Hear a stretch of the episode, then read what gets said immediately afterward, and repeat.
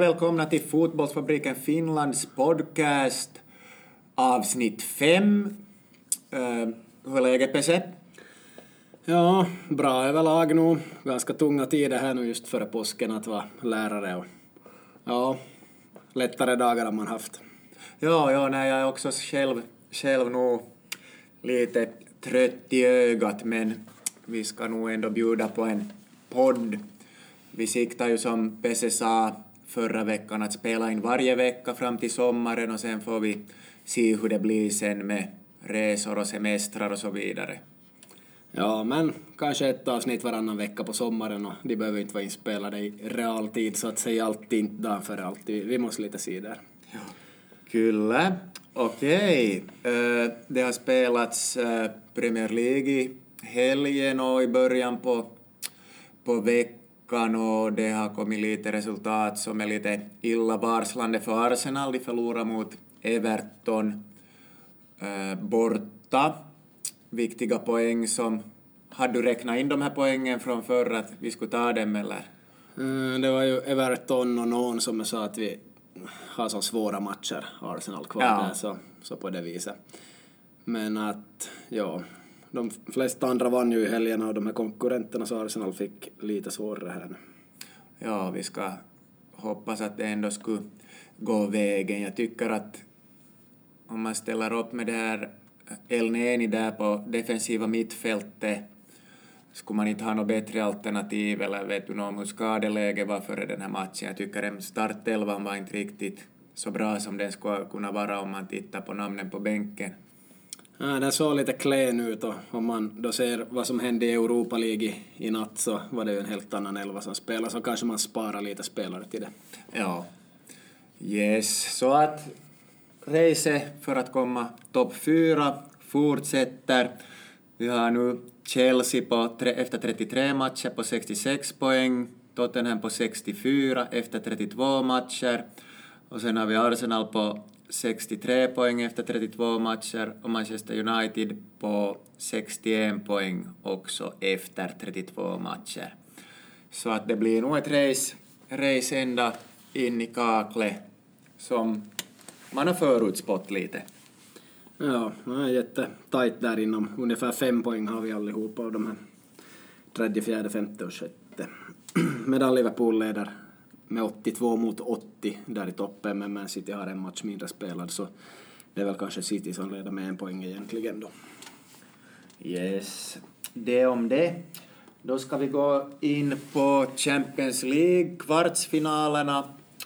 I tisdags var det två matcher.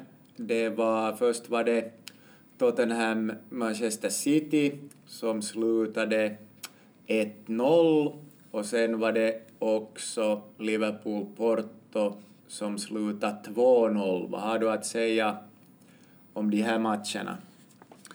Ja, jag såg mest på Liverpools match och ja, Porto var sämre och Liverpool skapade tillräckligt för att vinna och gjorde två mål. Så inte så hemskt inte så hemskt svårt för Liverpool där egentligen. Att 2-0 var ganska klart och jag tycker inte att Porto var lika bra alls. Ja, och på mittfältet spelar de med Fabinho, Keita och Henderson, visst var det så? Det var så, jag förväxlade Keita då han gjorde mål där med, med Mané faktiskt, då jag skrev en som gjorde mål där på en video. Ja, jag tycker, tycker det här Liverpools mittfält kan kanske vara det som inte riktigt håller klassen, speciellt när man tänker på kreativitet. Jag tänker sådana matcher att om de skulle råka släppa in ett tidigt baklängesmål och motståndarna backar hem mera så kan de få svårt att dyrka upp ett lågt sittande försvar, men att vi får ju se, se hur det går, går nu här under våren i titelracet, men vi kan väl nog räkna in dem nästan som ett av fyra semifinallag redan.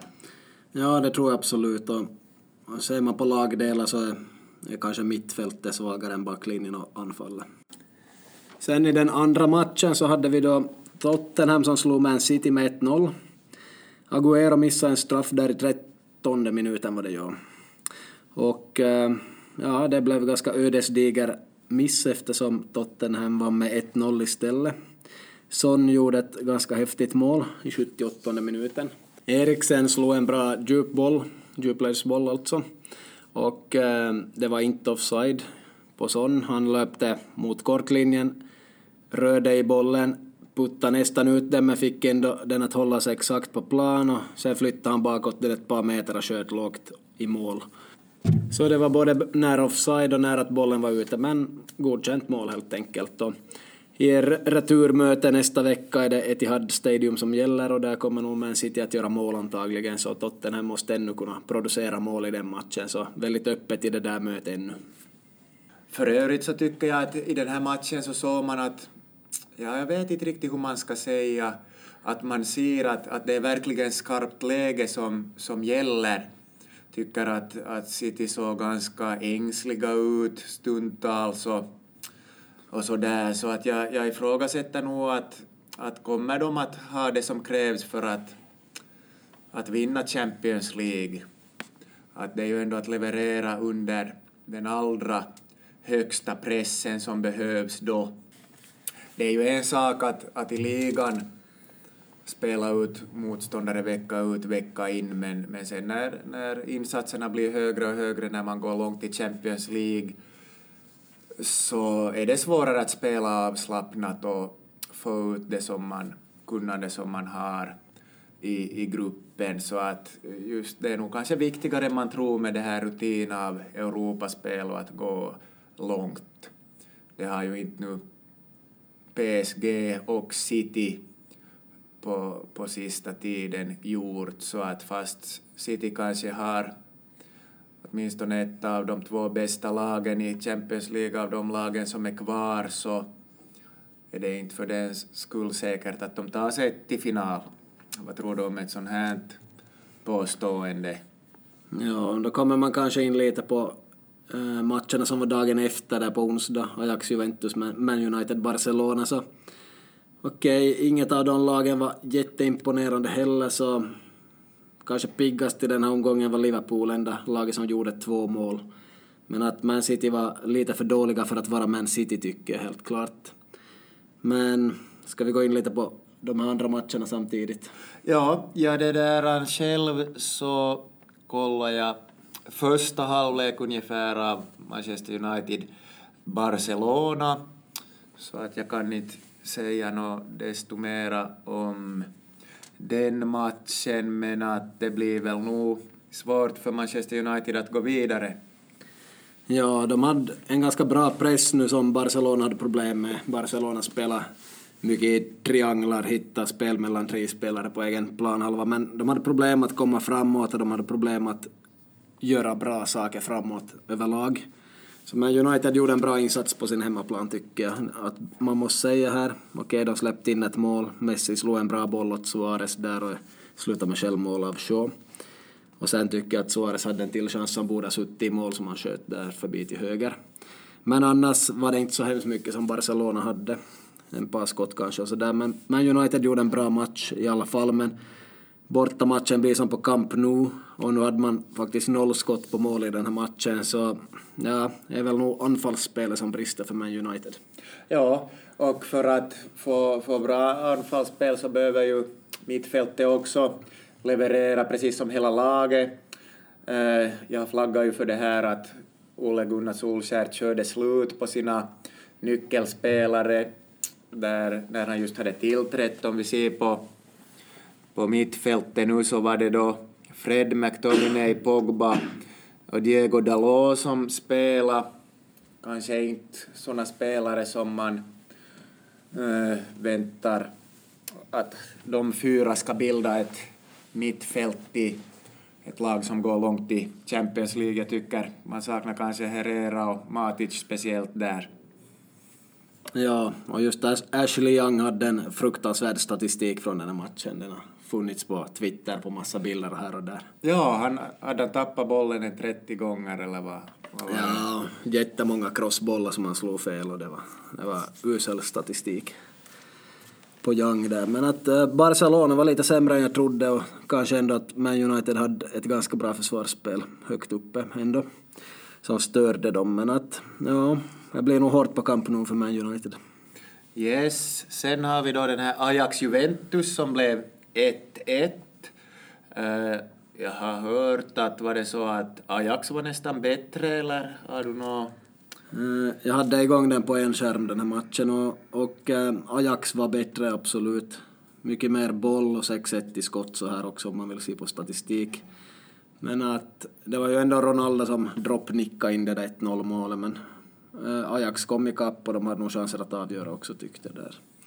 Så ja, Ronaldos mål var ju 46 och Neres, nej 45 och Neres gjorde 46 direkt andra halvlek började så så det var nästan, ja, nästan 45 minuter som det var 1-1 och matchen stod och vägde lite men det var nog Ajax som var närmare och hade mer spel.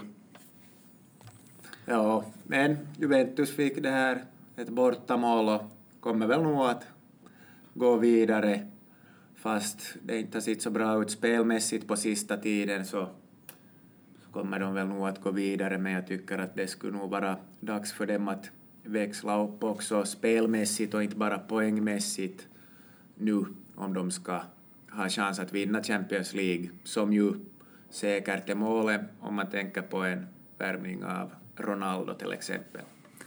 Ja, sen hade de ju ganska bra spelare på bänken och by de bytte in Douglas Costa, Dybala och Kedira, så väldigt bra inhoppare hade de i alla fall att kasta in här. Så vi får se, kanske de kommer med en bättre elva på sin hemmaplan nästa vecka och och vinner med ett par mål eller någonting. Vi får se där. Ajax var nog ändå jättebra. Jag känner till kanske två, tre spelare i hela Ajax lag. Så de är nya och de är, de är tuffa. Kommer säkert att köpas sönder småningom. Ja, det är ju... Några har ju redan kontrakt på, på andra håll och så vidare. Att det, det är ändå länge sedan Ajax var så här bra, men som det går när man är lägre i näringskedjan så blir man uppköpt förr eller senare. Att det är kanske äh, ett under nästan att de har fått hållas kvar så här länge, några av de här spelarna. Ja, så är det. Eh, vi kan ju tippa utgången nu då igen. Jag tror Liverpool går vidare. Jag tror att City svänger där och går vidare. Jag tror att ja, Juventus fixar nog det på något konstigt sätt och Barcelona fixar också det. Vad tror du? Jag skriver under på samma tippning. Ja, Okej. Okay. Om det går fel så vill jag försäkra mig om att det är Ajax som slår Juventus och det är Tottenham som slår Man City, så där skulle jag helgardera. Yes. Precis. Okej, okay, förra avsnittet så utlovades en del snack inför division 1 och division 2 säsongerna i Finland. Eh, vi ska börja med att gå igenom lite om division 1. Vi har eh, tio lag som kommer att spela i den näst högsta serien i Finland. Vi har med från norra Finland har vi Kajana, AC Kajani och AC Oulu. Och sen har vi det där från Jakobstad har vi förstås Jaro. Och sen har vi Haka och Musa och Mypa och TPV och sen har vi också KTP och TPS och Ekenäs. Äh, inför säsongen så nu har det ju blivit klart att VPS gamla skyttekung Juho Mäkelä flyttar hem till AC Oulu. AC Oulu som har Mika Lähderinne som, som tränare. Har du något minne av hurdan spelartyp Mika Lähderinne var på sin tid? Nej, men du har säkert.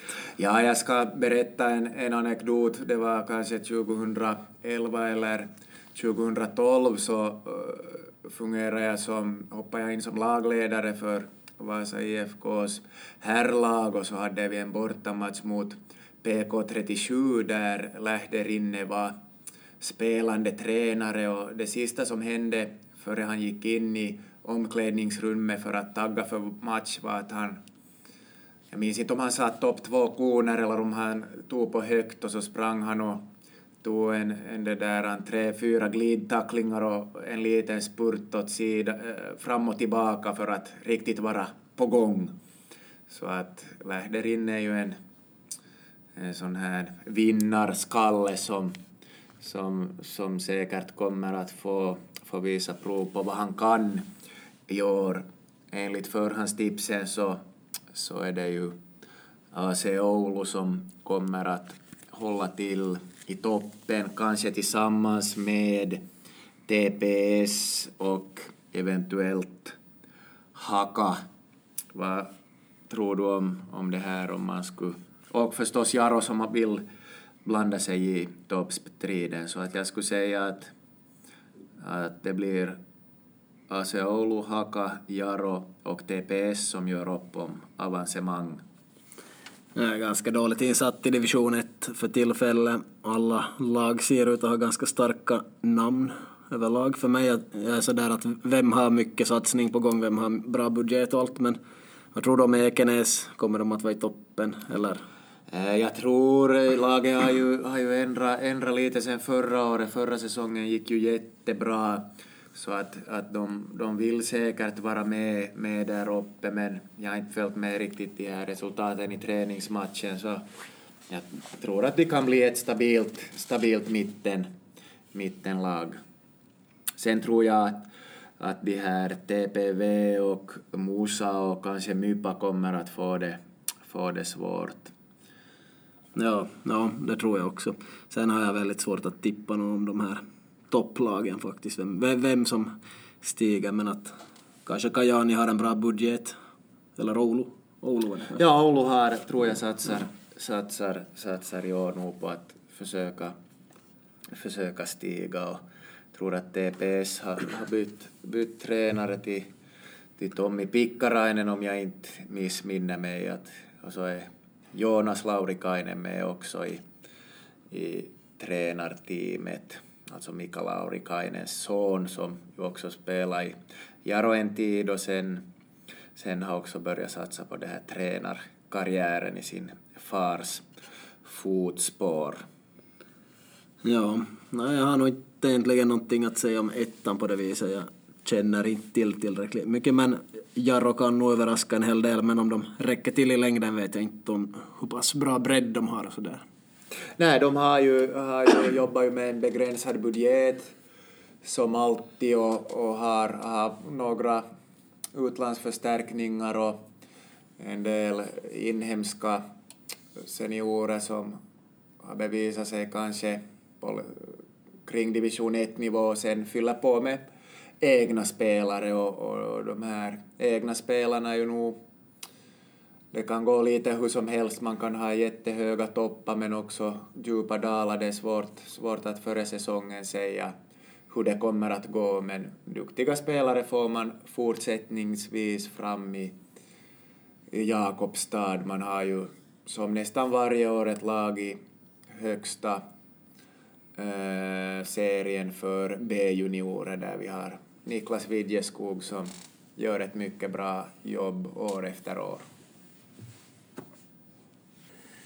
Yes, det är ju annars så att, att jag är ju så här i debatten mellan konstgräs och naturgräs så, så har jag ju ibland ställt den här frågan att, att hur är det för, för spelartyper som Niklas Widjeskog, att hur skulle en sån klara sig bland dagens konstgräsplaner?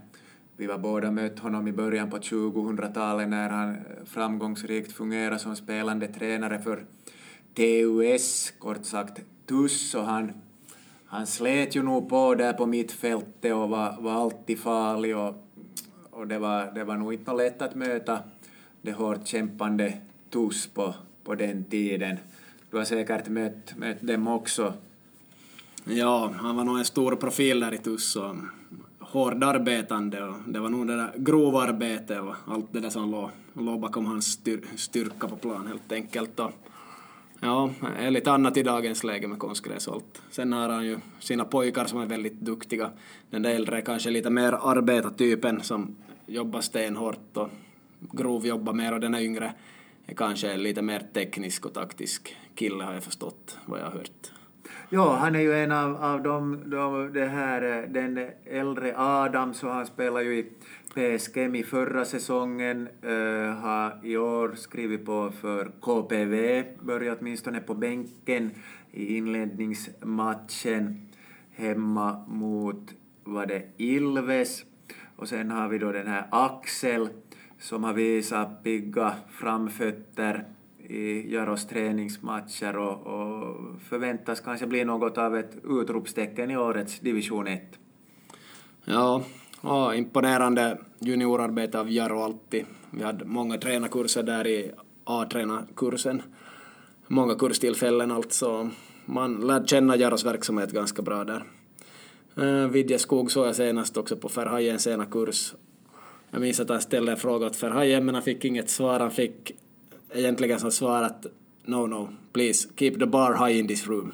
Så det var som, som att äh, frågan gick inte fram. Ribban måste vara högre, men nåja. Äh, inga, inget fel på Videskog, hans fråga var det knappast något större fel på heller, men det, det är höga krav på vissa kurser. Ja. Yes, men du klarade dig bra? Ja, jag var tyst så jag klarade mig bra. Yes, bra. Ibland kan det ju vara bättre att vara tyst, som vi brukar säga.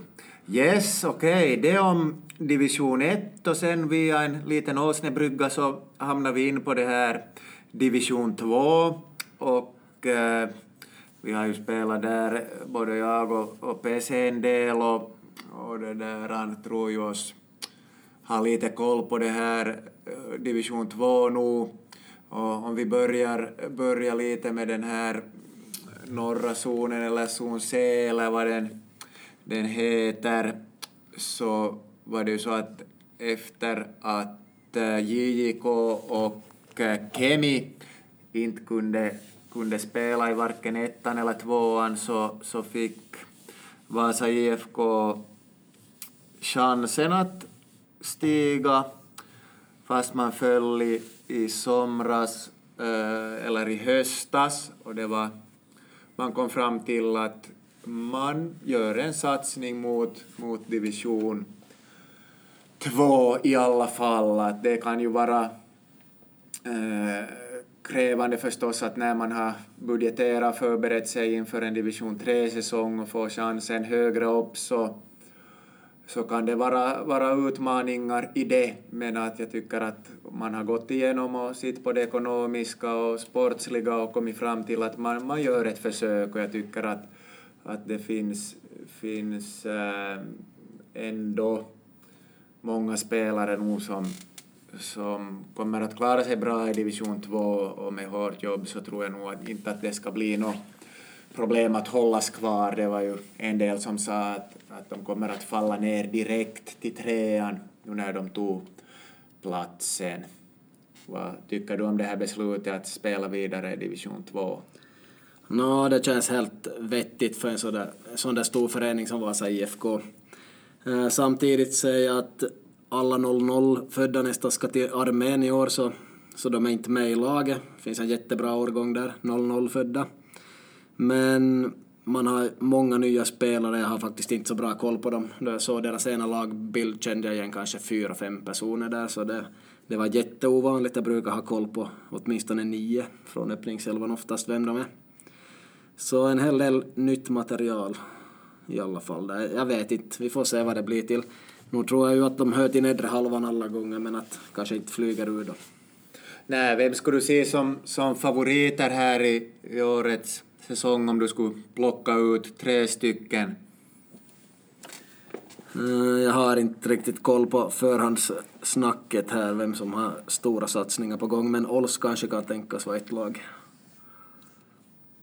Ja, ja det, kan, det kan hända. Jag tror att de har spelat ganska mycket med, med det där egna Uleåborgs produkter och att det kan vara lite så där si som så, så har det ju åtminstone varit eh, under, under årens, årens lopp. Det var ju annat för till exempel 2003 när, när det var Kalle Rönkö som var i mål. Han var ju en, en klassisk målvakt som for runt i de här lagen i norra Finland och han har ju noterats också för, för ett mål från målvaktsposition om jag inte missminner mig. Har du några minnen av Kalle Rönke?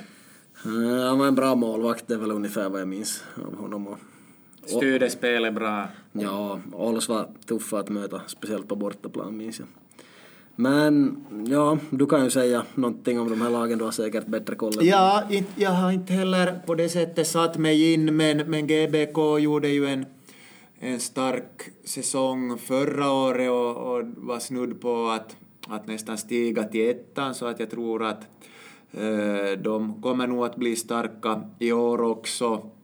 Eh, sen kan det hända att Kufu 98, om de har samarbete med KUPS, kan bli hörda och sen också eh, SJK Akademia eller SJK 2, vad man vill kalla dem, kan nog vara där, där uppe åtminstone kanske inledningsvis. Att det är ju svårt att, svårt att sia på förhand hur det kommer att gå, men att, att GBK så, så håller jag nog högt medan, medan VPSJ Akademia så förutspår jag nog en, en tuff säsong i tvåan. Ja, de har väl ganska dåligt med spelare just nu har jag förstått och de blir väldigt beroende av det här samarbetet med ligalaget säkert. Att kommer det några i gången där som hjälper till med, med ordentliga krafter så kanske det, det går att vinna matcher här och där men att försäsongen har sett lite klen ut. Jag tror de har ställt in någon träningsmatch på grund av spelarbrist till och med och det, det låter lite ovanligt för VPS.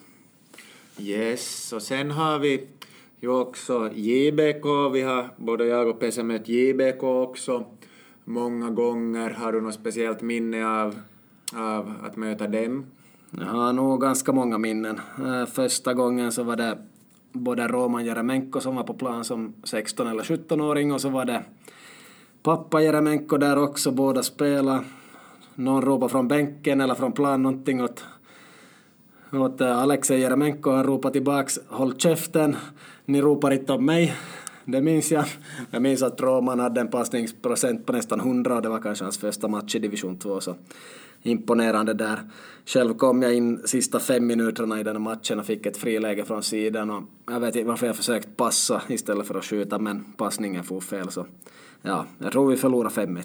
Just det. Ja, själv, själv har jag ett bra, bra minne också från västra plan. Det var, var JBK fick en frispark i slutet och, och slog den eh, ribba, ribba in var det nog. Den studsade nog ungefär en meter in i mål, men linjedomaren hann inte riktigt med och, och, och, och efter matchen så erkände jag nog åt den här uh, Anders Sandlin som, som jag minns inte vilken roll han hade då.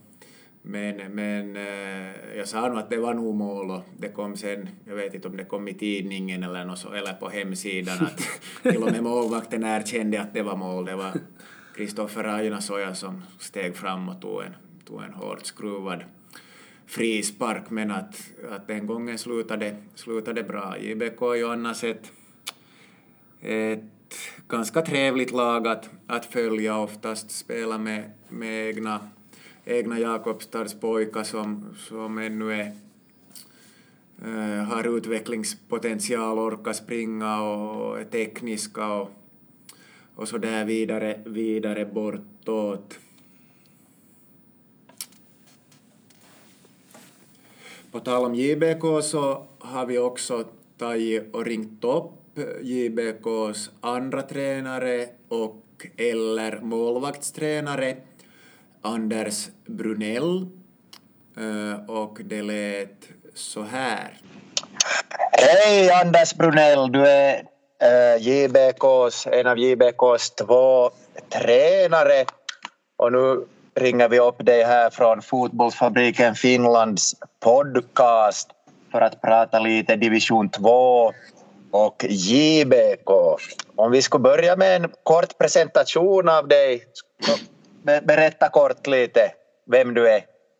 Ja, tack för inbjudan för första. Yes, Anders som sagt 29 år från Jakobstad Jeppis. Assisterande tränare och men främst som målvaktstränare i IBK division 2. Ja, mm. just det. Och eh, det där han eh, fotbollsintresserad förstår jag. Ja, han har varit... Började spela sen jag var fem år. Så var ute och spelade som anfallare men sen så var jag med i en snowboardolycka som ledde till att jag, jag blev målvakt då istället, vid 11 års ålder. Ja, just det. Uh, hur, hur har du din på det sättet spela karriär efter junioråren sett ut? Du har ändå hunnit spela några säsonger. Ja, jag började för, först i, i Jaros B Nora och sen, sen så vart det flytt till Åbo och ligalaget TPS. Vart ju någon kontrakt där men eh, jag var där nog ett, nästan ett år och fick bra träning och, och erfarenhet därifrån och sen och sen tillbaks hit till Eppis eller via Nykarleby och NIK division 3 och sen till IBK igen. Ja, just det. Och, men du har lagt av nu som, som på det sättet aktiv eller kan, kan det hända att vi får se fram emot något inhopp mellan stolparna i år också? Nej, jag har nog försökt försöka hålla mig bort nu faktiskt. 2017 var senast aktiva spelåret men men nu som då hoppar in på träning och sådär men inte, inte tänkte nog vara med på någon match inte. Nej, nej, no, vi får, får se hur det, det går med den saken. Uh, sen så undrar jag lite att hur, hur hamnar du som, som tränare i, JBK? Är det något som du har funderat på uh, under spelarkarriären att bli tränare eller hur, hur, det blev klart ganska sent att, att du och Jonas Junno Sandlin skulle ta över JBK. Det var här i, i, på våren, våren vad jag förstår. Ja, ja det blev lite sent det har varit en, ett tränarbyte byte där efter årsskiftet men, men jag var nog alltid menad som målvaktstränare då redan i början av, av det här året. Ja, just det. Jag var, ja, ja. ja. jag var nog inne på den banan redan då. Och sen, sen det här huvudtränaren var ju, var ju öppet då ännu en tid och sen kom då Jon, Jonas Jonsson Lin och var lite sådär i början nu som då. Men så, sen så vart han nog klar som, som huvudansvarig och,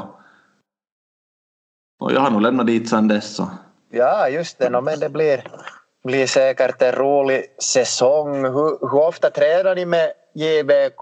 Har ni sluppit ut på västra plan eller är det Tellushallen som gäller ännu? No, så, vi ska nog börja den här veckan har vi börjat utomhus första matchen på lördag. Eh, vi har tre gånger i veckan plus match. Så det blir ju fyra gånger i veckan. Tillsammans med Jaro en gång i veckan så. Ja, just det. Tycker du att det, det räcker till på, på division 2 nivå eller skulle, skulle intresse för träningsivern avmattas hos spelarna om det skulle vara flera gånger eller en del division 2-lag tränar ju mera mm. enligt min erfarenhet men, men klarar man sig på tre gånger? Ja, nu, nu borde vi klara av tre gånger i veckan plus match. Nu vet jag, förr när jag var aktiv så hade vi nog, nog fyra, fyra plus match i alla fall men men vi har, vi har så många, många studerande på andra orter nu på, nu på vårvintern så, så vi har lite så, alltid haft lite svårt att få jättemånga spelare på träningarna. Ja, hur ser det ut med, med folk, dels folk på träningarna och sen att hur många kontrakterade spelare ni har för tillfället? Det har rullat in en del kontrakt här nu de här senaste veckorna har jag sett. Ja, det börjar nog se mycket bättre ut nu. Som sagt är det alltid lite knepigt i, bör i början av året att få, att få alla på plats men in i veckan på helgerna är det, är det helt annorlunda. Då är nog nästan alla på plats. Men nu börjar vi nog vara uppe mot en 20 kontrakt. Nu helgen kommer nog några till säkert att dyka upp så. Så vi börjar nog ha det, flest, det mesta på klart. Ja, hur, hur ser det här samarbetet med Jaro ut i år? Vissa år har det ju varit farmavtal och sen något år emellan kanske det inte har varit. Hur ser det ut nu med samarbete? Mm. Det finns nog ett samarbetat farmavtal. Uh, är ju jättebra om vi behöver förstärkning någon gång. Och andra vägen också. Ser du någon, någon som du, du tror ni har, har några som kanske skulle få, få chansen att knacka på division 1-truppen där? Absolut tror jag det finns möjligheter om, om, eh, om det finns en sån chans, ja. Absolut. Ja. Uh, tre, hur många träningsmatcher har ni hunnit ha sådär på ett ungefär? Men vi har väl haft en...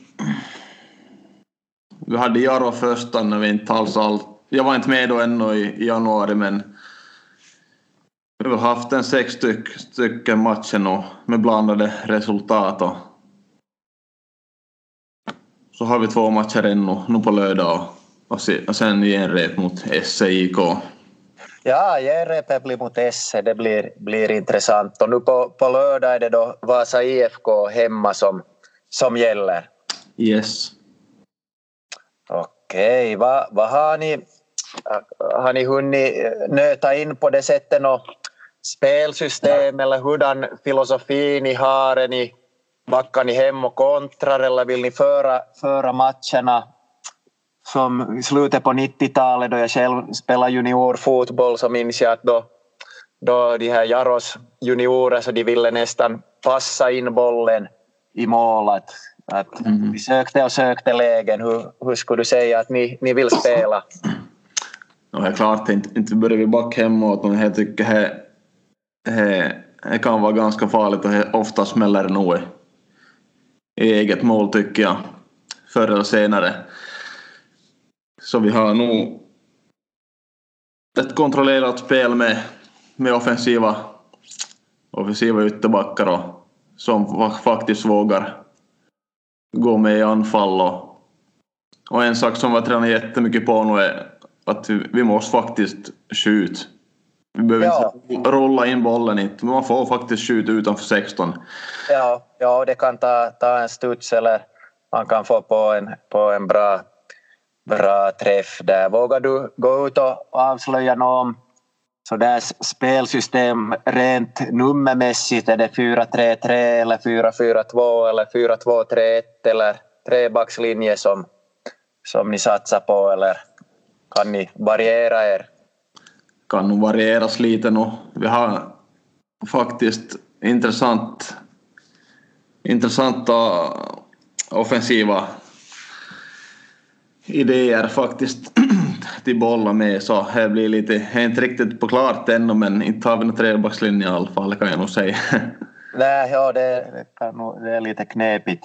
Ja. Knepigt det att, att otränat börja, börja köra. Ja, vi kom in så sent också så inte har vi ja. hunnit träna så mycket taktik inte. Nej. Så. Ja, uh, nu då är det division 2 som gäller? Är det för uh, andra året i rad JBK var ner och vände i trean? Visst, för, för två år sedan. Förra året så... Ännu för två år sedan då jag, då jag var med ännu sista året som aktiv, då var vi nog i division 2. Ja, just det, okej. Okay. Ja. Yes. Men det var så att inför förra året så gick träningsmatcherna gick bra på vintern men sen blev det lite knagglig säsongsinledning. Kan, kan det stämma? Ja, ja, absolut. Jag var inte med då inte men men jag minns för två år sedan så var det ju, fick vi jättebra start och det är nog förstås viktigt. Viktigt i vilken serie man spelar men då fick vi jättebra start. Så det är nog viktigt ja. till få här. Ja, är, är hemmamatcherna på västra plan konstgräs eller kan det komma någon match på centralplan också? Huvudsakligen nog är det nog på, på västra plan konstgräs, ja. Kanske får någon hoppas enstaka match på centralplan också. Ja, så där. Uh, om man ser historiskt sett så är det väl nog så att konstgräs passar JBK ganska bra med, med snabba, unga, tekniska spelare som är bra på att utmana. Eller har jag fel? Nej, nej, du har nog rätt tycker jag. Det passar nog oss, oss väldigt bra. Vi skulle nog gärna spela på Itellos hela säsongen. Det är nog ja. vår hemmaplan riktigt så. Så där trivs vi, trivs vi nog bra. Ja. Ja, det är nog bra. Yes. Mm. Har ni hunnit, hunnit komma överens om någon så här officiell målsättning eller håller ni inom laget inför den här säsongen nu? Nej, vi har nog en officiell eh, topp 6 har vi lagt som, som mål. Ja, så... hur, många, hur många lag är med i serien? Är det vi är nog fulla 12 ja. Då Kaiha Vasa IFK kom med nu. Ja. Eller för Kemio. Och JIK visst. Ja, de, de, de har ju brakat ner från, från ligan och mm. de valde att kasta in handduken. Så topp sex går JBK för. Uh, vad skulle du säga då uh, om serien om du skulle gissa tre topplag så här eh, före serien alls har börjat? Tre topplag som du tror att kan, kan bli svåra att slå? Ja, mm. GBK tror jag nog kommer slåss där upp som i fjol, i fjol redan. Och, och så tror jag SJK Akademi, de får säkert spelare från första laget. Och, och så KFO 98 tror jag också, det brukar vara starka. Ja, brukar de ha med uh, kuppsamarbete kanske? Ja, det brukar nog ha, ja. Ja, jag minns förra, förra året mot, mot Vasa IFK borta så kom de med samma buss som, som Kups då Kups skulle möta VPS dagen efter och så var det också många, många Kups-spelare som, som var spela den här matchen och då såg de, såg de nog riktigt farliga ut. Och, ja. SJK satsar ju, satsar ju hårt med det här äh, fotbollslinjen eller fotbollsgymnasiet och Kuartane och allting och sen om de får ännu förstärkningar från ligalaget så. Ja, samma gäller väl nog för GBK också. Det har ju samarbete med, med KPV.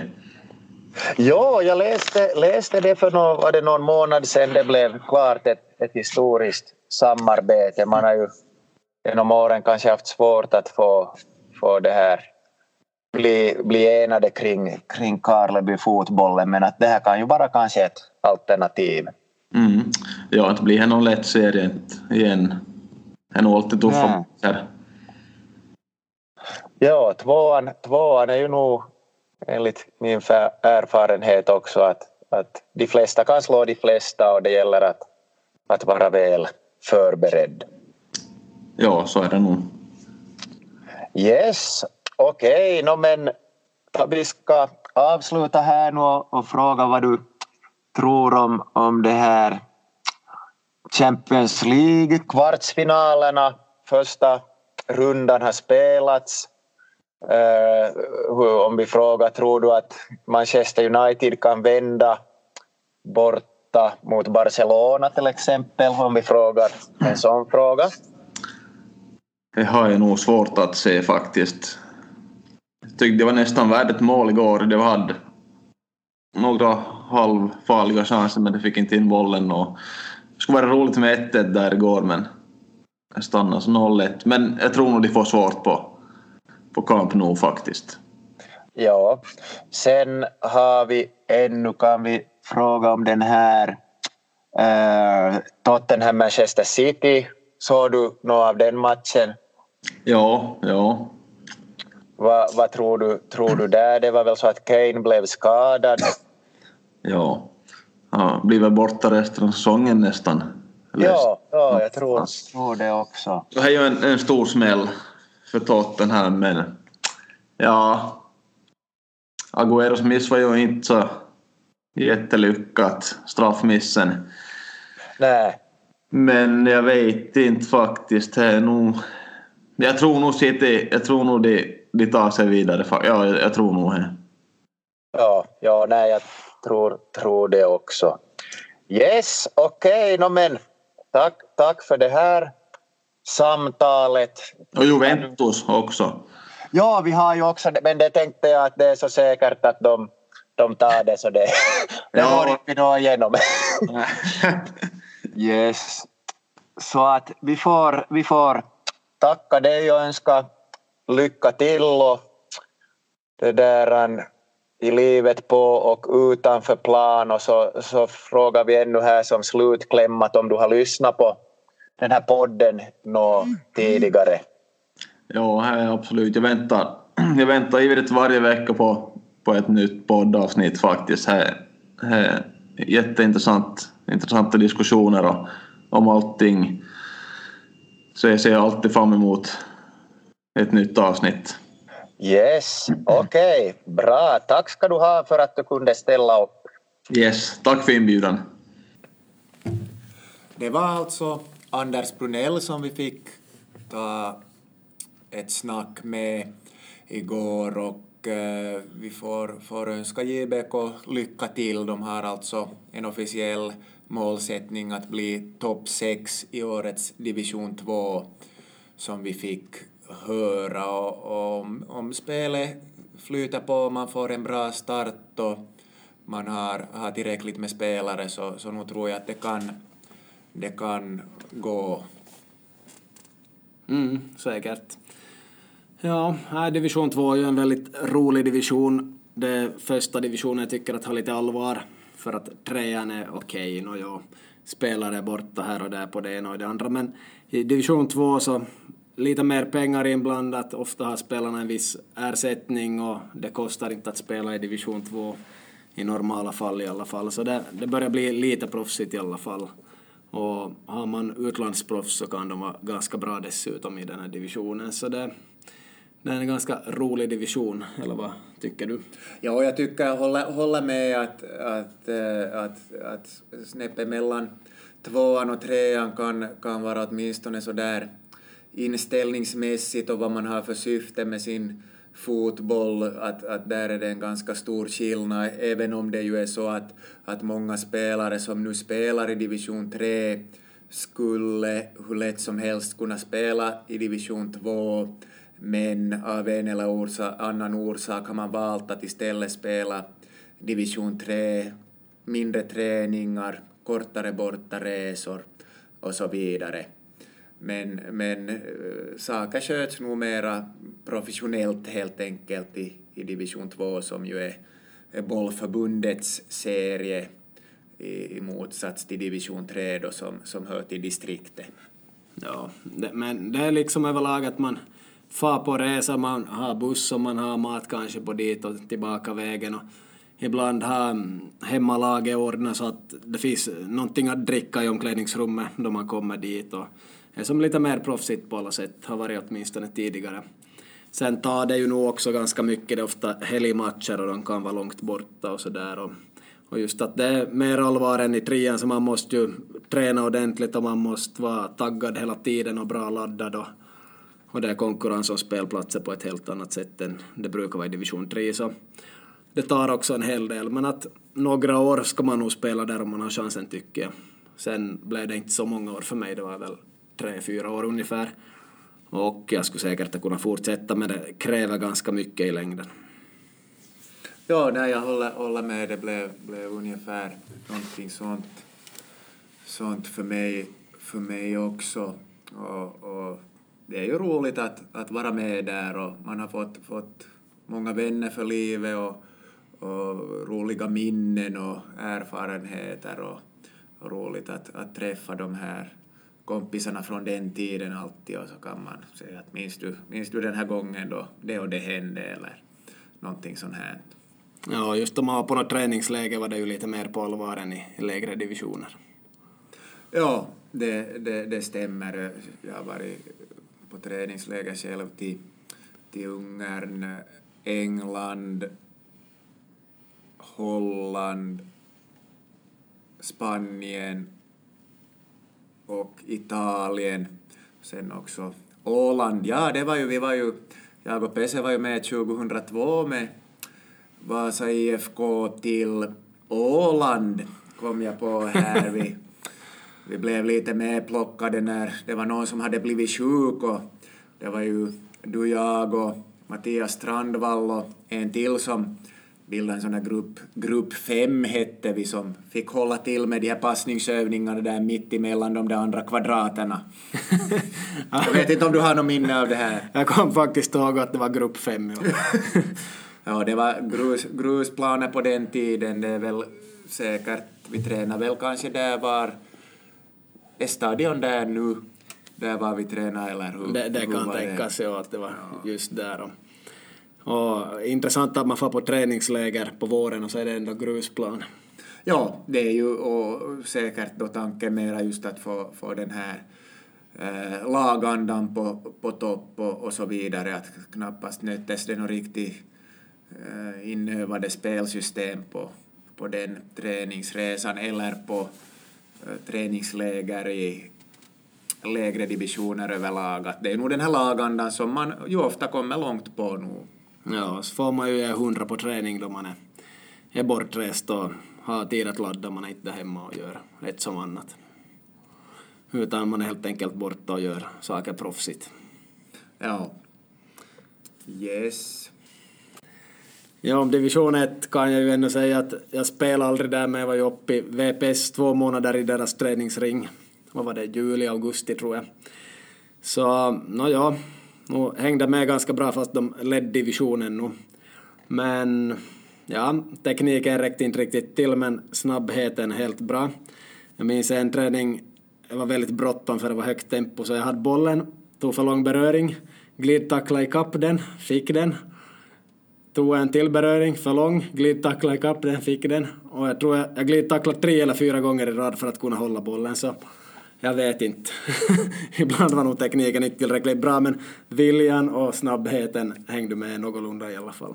Ja, ja det var ju var det 2005 då det här kanske, om det var det året som de steg. Uh, och uh, jag har hört ett rykte från, från en av de träningarna där du var med på. Jag, jag du får bekräfta eller dementera nu men jag hörde att det var så att, att målvakterna skulle värmas upp i en skottövning men, men du, du sköt som fullt hela tiden och, och var riktigt nöjd med de här målen som du gjorde och, och hurra och fira där och de andra la, la långsamma bredsidor i famnen på målvakterna. Har du något minne av, av någon sån här? Nå, ja, men kul hur historier ändras. Eh, jag tror jag var andra i kön och jag hade faktiskt inte förstått att man skulle skjuta i famnen så när första sköt väl ungefär i famnen så tänkte jag okej okay och så, ja det var på Karlsplan så jättebra gräs. Jag drog fullt i krysset. Målvakten bara stod och såg på mig att är du inte riktigt klok? ja, ja, så det ligger, stämmer ändå någonting med, med den här historien. Ja, det var mitt bästa skott på två månader där men ja. i alla fall så du sa något med att, att ja, vi skulle skjuta i famnen nu bara, jaha okej. Okay, okay. ja. Ja, intressant ändå hur rykten sprids så man vet vad som, vad som händer på andra föreningars träningar. Ja, otroligt. Ja. Det handlar alltså om 20 sekunder av den där övningen så hade nog också jag förstått. Ja, just det, det okej, okay, det, var inte, det var inte fem minuter som det, det tog. Mm. Men att överlag då man kommer till ett bra lag så man ska inte som bara smälta in, man måste egentligen visa vad man kan för att man ska hållas där, egentligen kunna föra in något nytt. Och jag tror att de tog det i mig för att jag var snabb och ganska bra att dribbla men jag dribblade aldrig egentligen när jag var där utan jag spelade enkelt och gav bort bollen snabbt och sådär. Så det, det var ju knappast det de har tagit dit mig för och, och de berättade aldrig att jag skulle göra någonting annorlunda heller. Och efter två månader var det som slut. Då skulle de ta in några afrikaner på prov istället. Ja, och, och den här tränaren är han, han känd som en en där en fotbollsfilosof eller vad hade han för, för det där en grundidéer? Du kan ju berätta lite vem det var som var tränare och om de här egenskaperna passade in på dig, de som han gillade. Ja, no, det var ju Jari Pykölä så det var ju som fysikträning och leva superhälsosamt och allt det här så och fysträningen var inte vad den är idag utan vi var ute och joggade med pulsmätare minst en gång i veckan, kanske två. Ut och jogga mot Vasklot hur långt som helst runt på ombanan och sen tillbaka så alla följde sin egen pulsmätare och sånt. Och ja, vi tränade inte så hemskt mycket fotboll egentligen. Lite här och där och då spelade vi mest och körde kanske en övning och sen spelade, skulle jag säga. Så egentligen blev man sämre med boll av de där träningarna man var uppe där och gjorde, men spelarna var ju väldigt bra på fotboll från förr och de, de orkar ju nog springa i matcherna i alla fall i division 1, men i ligan vet jag inte hur de där fysträningarna skulle ha hjälpt i längden faktiskt och han fick ju sparken där senare. Men att jag var också på division 2-lagets träningar och där fick jag vara lite mer med boll men det blev som supermycket träning ibland så jag var ganska trött och, och sen var jag lite dissad i division 2 fast jag kom, kom från VPS dit och skulle spela. Så hade vi 12 spelare till en match, det var säkert i Kajani eller någonstans och då var jag den enda som var på bänken. Så. ja, no, det, är ju, det är ju ändå bättre, bättre det än att, att man är elva spelare och ändå inte får spela som, som det kan ju också. Jag har hört att det kan gå så. Uh, ja, nej men det låter, låter nog inte, inte något trevligt. Det var ju så att VPS körde väl över allt, allt motstånd den här, säsong, den här säsongen och var det Rops som man besegrade i något kval sen och, och steg till ligan och där har man hållits kvar sedan dess. Ja, jag minns det var Jonas Britschgi som gjorde mål där i Rovaniemi och avgjorde väl matchen. Men I det skedet var jag redan utanför truppen men jag var nog med och firade på kvällen då vi steg. ja. ja, så på det viset. Division 1. Men du har ju spelat, hur många matcher var det nu? Ja, det var ju här i samband med den här tränarkursen så, så blev det ju diskussion då att om jag skulle enligt de fem år gamla kriterierna får hoppa in lite eh, senare i protokollet, eller den här stegen, ja, det var för min del blev det, blev det åtta division 1-matcher.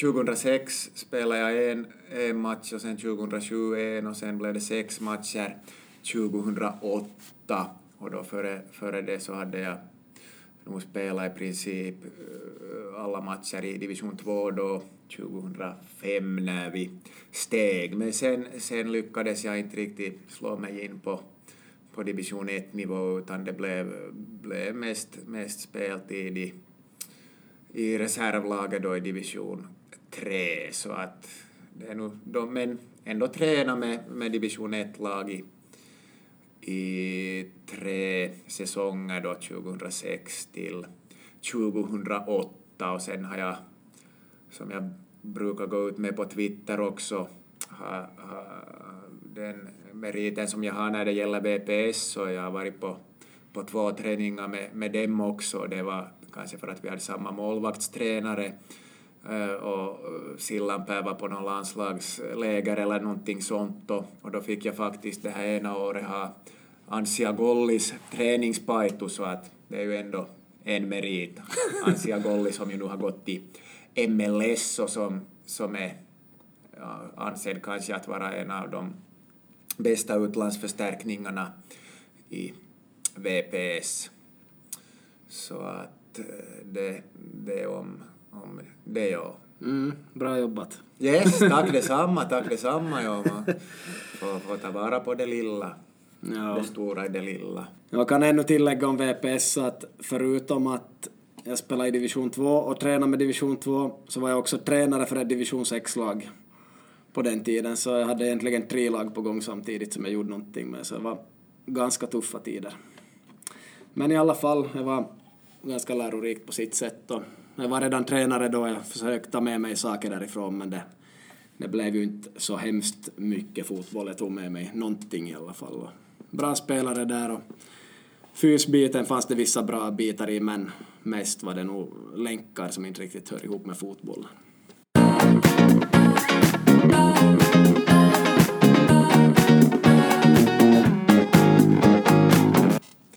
Okej, det var lite snack om eh, division 1 och division 2. Nu går vi vidare till ett av de två bestående programpunkterna i podden och vi ska börja med några tips om kost. Vad har du att berätta idag, Pese? Ja, påsken är på kommande och Ja, får se nu så att ni inte äter allt för mycket choklad då påsken kommer och inte allt för ohälsosamt då det är ett långt påsklov. Men det var inte det jag skulle prata om, utan kreatin är dagens ämne. Kreatin är någonting som är ganska bra för kroppen, speciellt med sådana här explosiva, snabba rörelser. Kanske om man löper 100 meter, om man lyfter explosivt på gym eller drar spurter annars så kan man behöva fylla på kreatinlagret.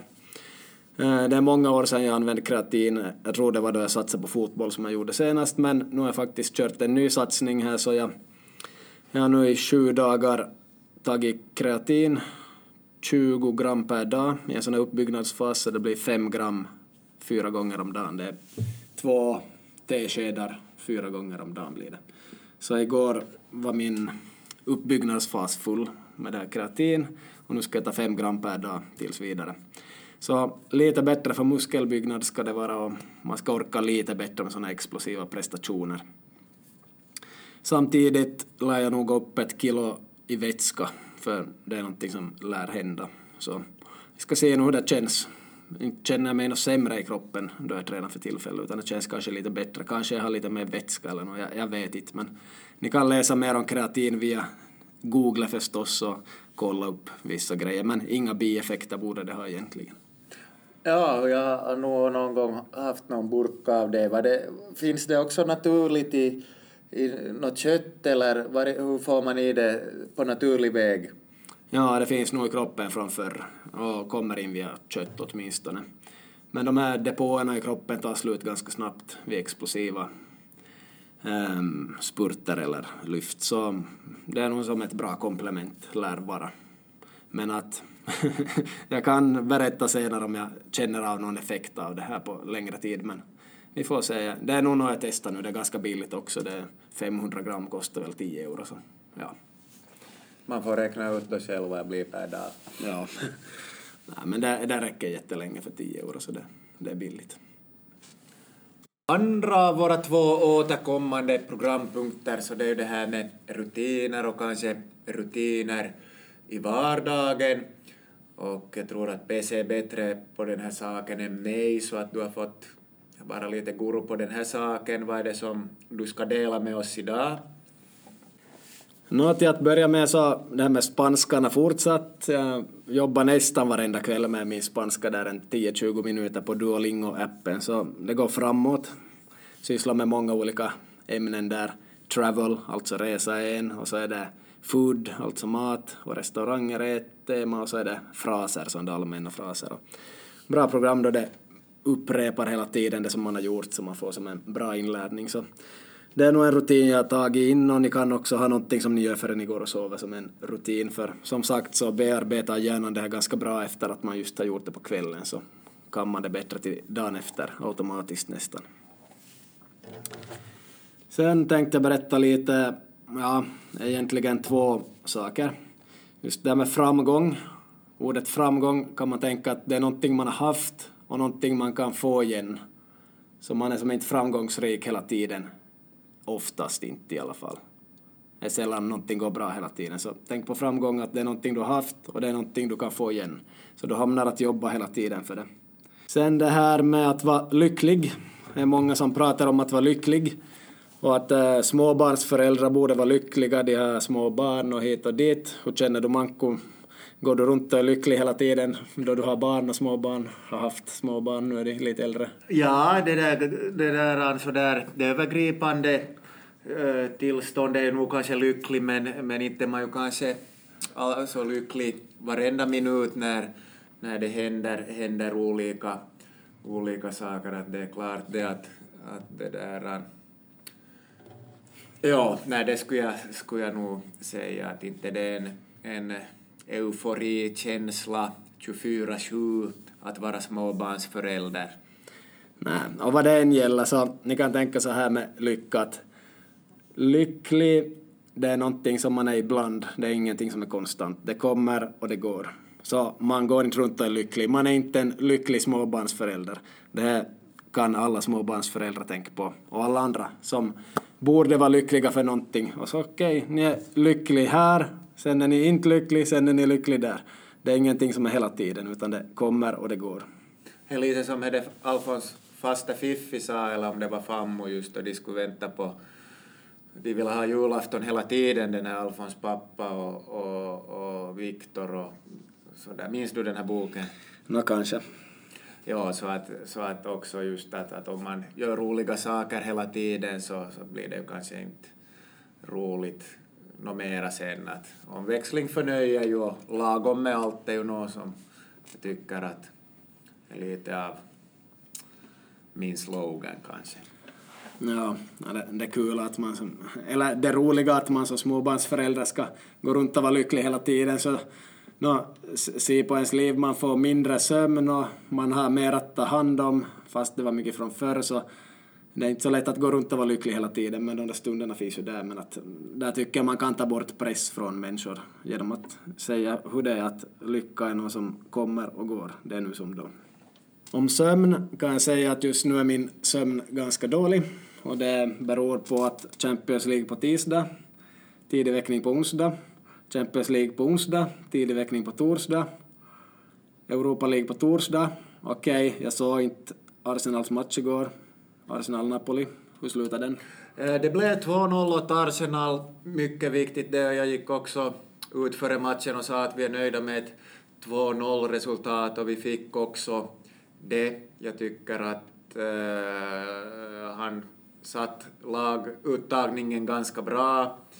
Jag såg inte heller andra halvlek, men, men ändå med Ramsey och Torreira där på centralt mittfält och både Lacazette och Aubameyang med Özil bakom så, så det kan nog inte, inte bli annat än succé. Att, att nog nöjd med resultatet och spelmässigt också vad jag såg så kan nog det såg ju ut som en svår match på förhand mot Napoli men, men att det, det finns nog goda chanser att gå vidare nu. Ja, jag var jätteglad då jag såg att de vann 2-0 för det förtjänar de säkert och bra elva. Det där. Och eh, jag skippade som sagt matchen och gick och sova tidigare igår och sov hyfsat bra i natt men det räcker inte alltid med en natt, det måste vara flera bra nätter i rad. Så det här med sömn, det ska alltså vara tillräckligt mycket flera nätter i rad och har man missat sömn två, tre nätter så man reparerar inte det med en natt så nu behöver jag sova ordentligt åtminstone en eller två nätter till här innan jag är tillbaks på benen helt hundra. Hur går det med din sömn? Funkar det? Ja, det, det är lite sam, samma för mig nu att, att det, den här dåliga sömnen sammanfaller märkligt nog med Champions League-veckorna.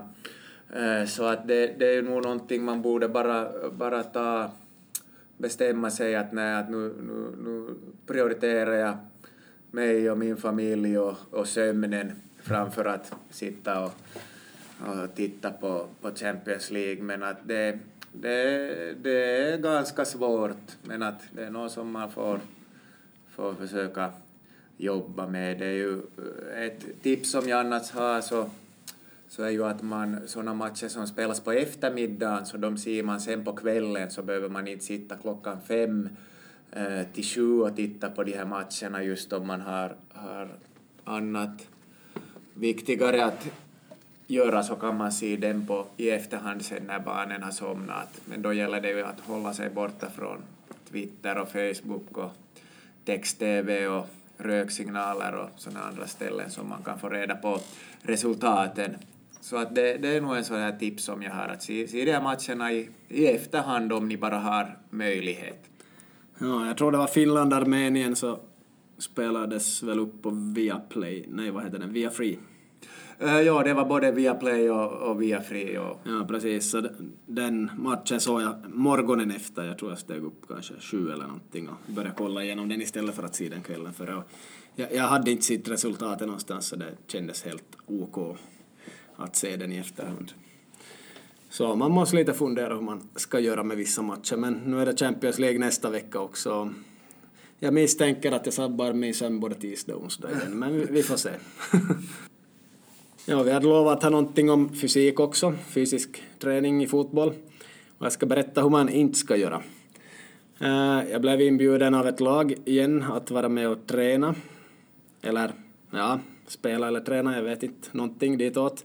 Så jag for och tränade med ett lag som är lite gammaldags, så det var inte riktigt som jag själv skulle ha gjort träningen. Så i alla fall, kom dit, värmde upp lite själv, alla står och snackar med alla, vissa värmer lite, någon står och skakar några ben här och där.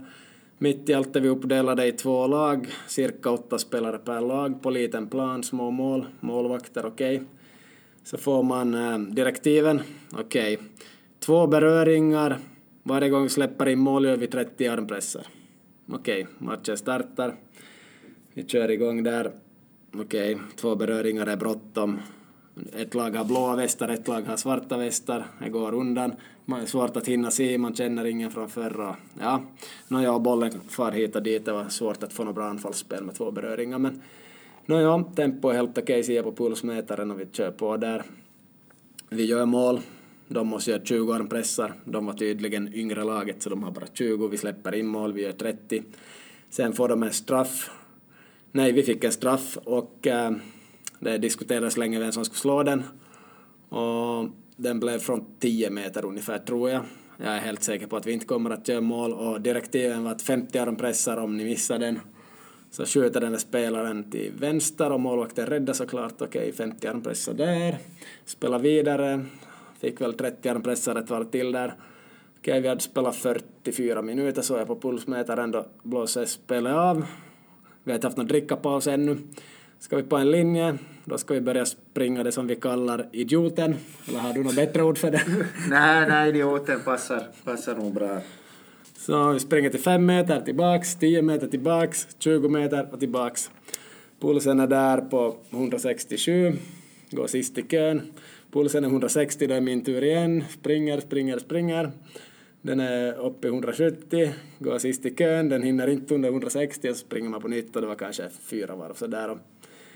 Och sen dricka och så far man hem. Så ja, en ganska annorlunda träning och ordningen på spelet och laget var nog lite som det var. Jag tänker inte säga vem jag tränar med och jag ska träna med ganska många lag här för tillfället och testa på lite fotboll helt enkelt. Jag har kanske inga mål ännu eller målsättningar med någonting speciellt och jag ska dessutom på resa här småningom så ja, det blir kanske inte något fotbollsspelande på högre nivå för mig i men vi får se.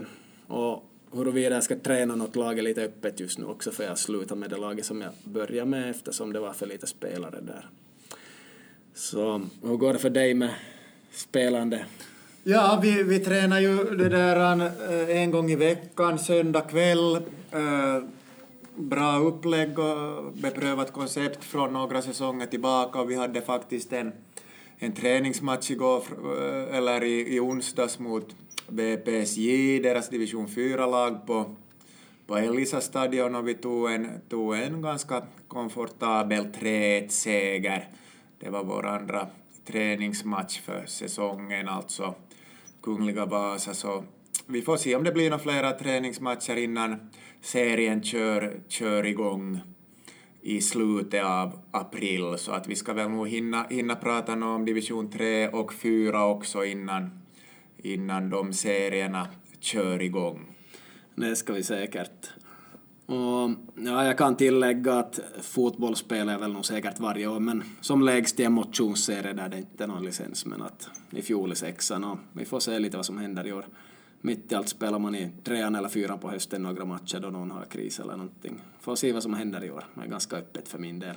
Och det spelar inte så stor roll. Kommer nog att jobba med olika projekt här och där så att jag får vara på fotbollsplan och det är kanske viktigast för mig. Yes, vi får, får då tacka våra lyssnare av Fotbollsfabriken Finlands podcast och det här var det femte avsnittet. Släpps idag lördag. Eh, och så får vi se fram emot nästa avsnitt då vi kanske ska snacka lite mera division 3. Och det är ju kanske så att vi har, har mera koll nu på division 3 än vi har på ettan och tvåan som det ser ut nu för vår del. Så är det absolut, för där man spelar och coachar så där, där lär man sig mest för tillfället och, och vad som händer i högre divisioner. Så man kan läsa om det, man kan prata om det, men då man inte är där så vet man inte exakt lika mycket. Nej, yes, det var allt för oss. Vi ses, eller hörs förstås, nästa vecka.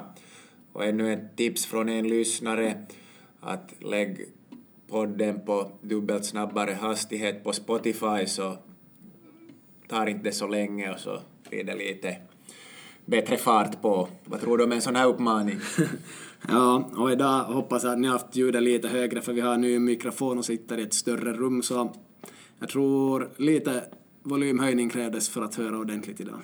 Yes, så att ni får spola tillbaks till början och höja ljudet. Tack för oss. Ja, och lyssna ett varv till så ni säkert fick med allting. Tack, tack. Hej då.